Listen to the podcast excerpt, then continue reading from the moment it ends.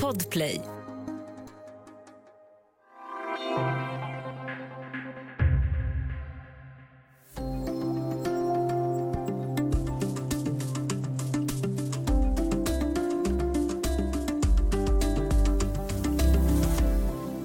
På Silverdansens lågstadieskola i Norrköping finns klasskompisar som inte dyker upp på uppropsdagen. Vissa försvinner under terminen. Kuratorer letar efter barnen och knackar dörr medan föräldrar som inte litar på myndigheter tar drastiska beslut om att till varje pris skydda sina barn. Vad ligger bakom barnens försvinnande? Välkommen till Studio DN med mig Ylke Holago.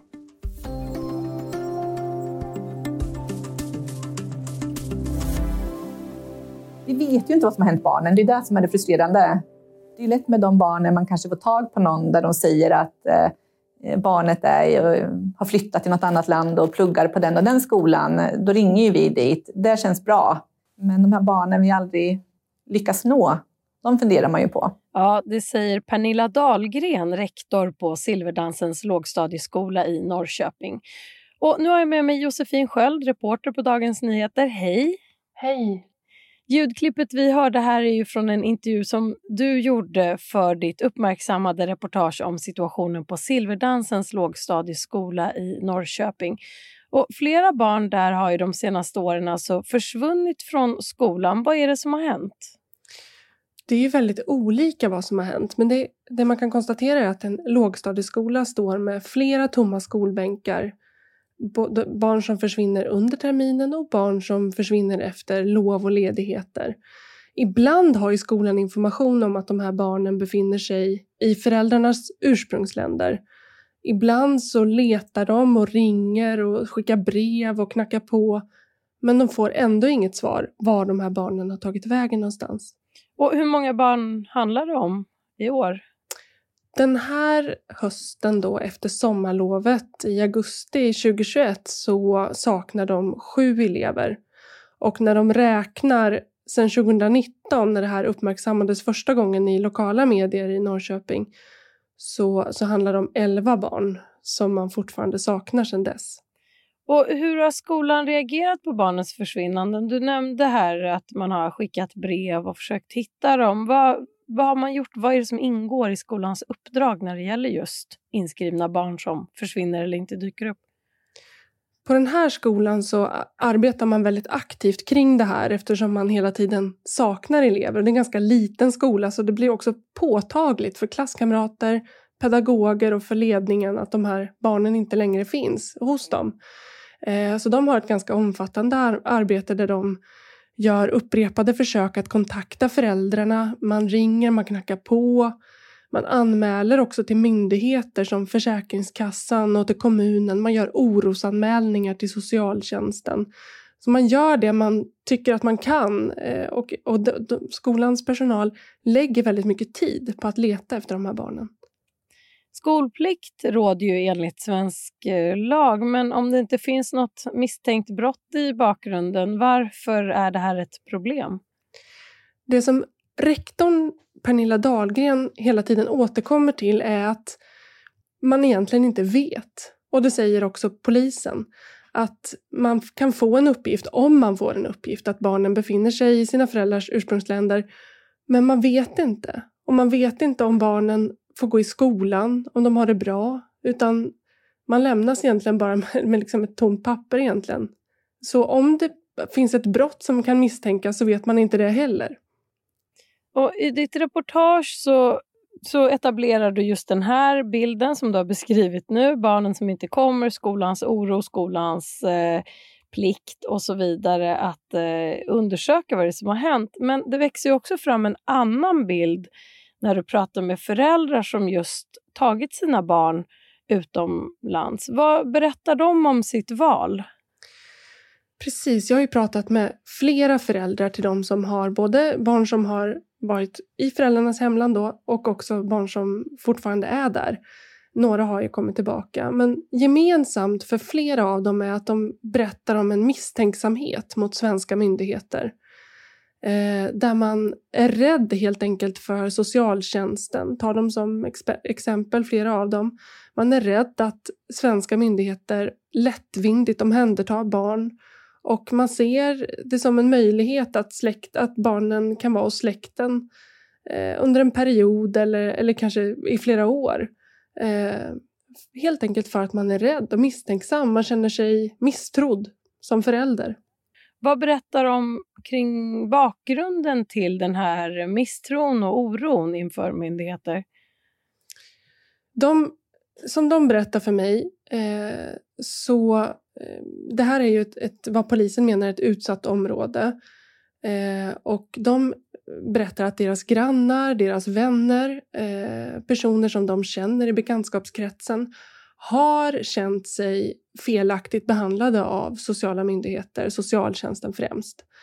Där de anser att barn har omhändertagits på felaktiga grunder och där man är rädd. Där man, man är rädd att man har ett barn som kanske säger något olämpligt eller gör något olämpligt eller råkar ut för någonting som gör att de kan hamna i fel kretsar eller att skolan ska ha synpunkter på deras föräldraskap. Och då ser de det här som en utväg. Eh, istället för att få sitt barn omhändertaget så kan de kontrollera skeendet och, och därmed skicka dem då till mm, andra familjemedlemmar eller släkten i hemlandet som kan ta hand om barnen.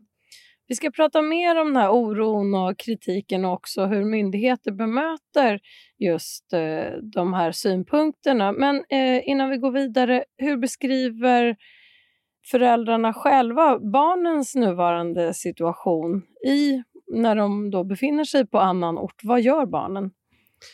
Det de säger till mig är att de lever ett, ett bra liv. Att de eh, lever kring familj och släkt, eh, ofta hos eh, mor eller farföräldrar. De säger också att de går i skolan, att de bland annat läser eh, engelska och sitt eh, hemspråk. Eh, att de, vissa berättar att de har försökt få skolmaterial från den svenska skolan men att det inte har gått att ordna. Eh, men det är samma sak här, jag återkommer lite till det rektorn säger också att det här är vad de säger till mig. Eh, jag har inte tyvärr kunnat kontrollera eh, att det är så, men det är vad, vad de berättar. Vi ska ta en kort paus och sen prata vidare om orsakerna till att lågstadiebarn försvinner från Silverdansens skola i Norrköping.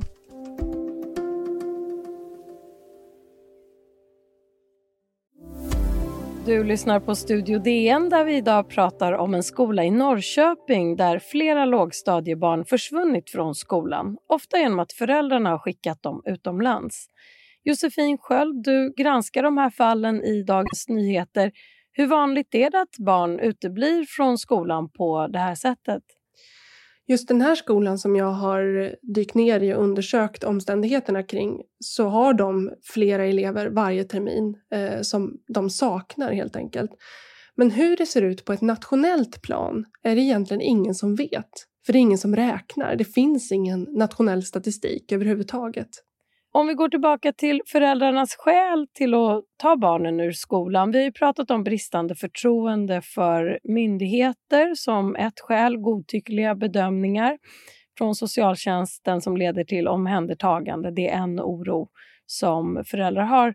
Eh, en mamma som du har intervjuat beskriver en situation där en olyckshändelse på förskolan lett till att en läkare gjort en orosanmälan riktad mot mamman då till socialtjänsten. Och mamman menar att det här inte skulle ha hänt om hon hade haft etnisk svensk bakgrund. Hur ser risken för felaktiga bedömningar ut utifrån det här perspektivet som mamman tar upp? Precis, jag har ju försökt grotta ner mig i någon forskning kring det här och någon nationell aktuell forskning som tar ett grepp liksom, på hela landets problematik finns egentligen inte. Um, Däremot så finns det en del studier från Karlstad universitet eh, där de, det är ett par forskare då som har i olika rapporter tittat på de här frågorna. Och där kan man se, när de gör djupintervjuer med socialsekreterare så säger de, tar de bland annat upp bristen på tolkar som ett problem när de ska göra utredningar i familjer med utländsk bakgrund. Där de också säger att det kan bli svårt att göra såna frivilliga insatser som ju är de vanligaste insatserna man gör från socialtjänstens sida. Till exempel att man får hjälp och stöd i hemmet på olika sätt för att barnen ska må bättre, familjen ska må bättre. Men där berättar de här socialsekreterarna då i de här studierna att man, man kommer inte hela vägen fram för att man, man har svårt att kommunicera.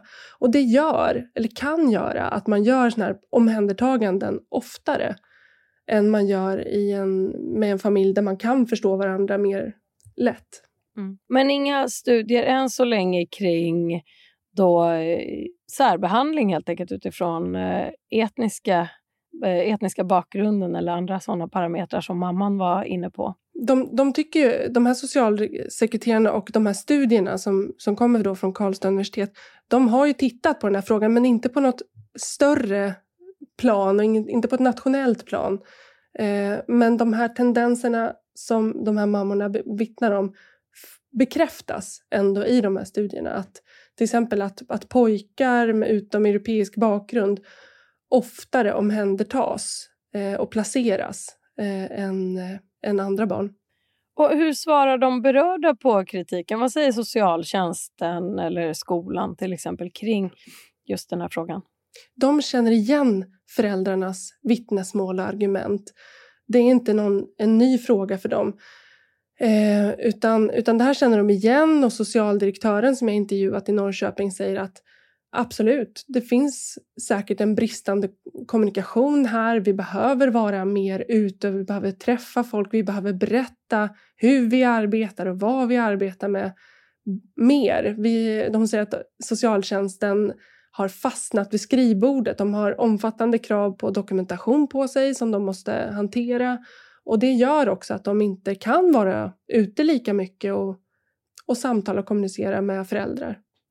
Och vi har alltså två perspektiv som träder fram här. Det ena är skolan och myndigheter och regelverk som ska följas och sen å andra sidan föräldrarnas oro för att barnen ska omhändertas utan vidare anledning.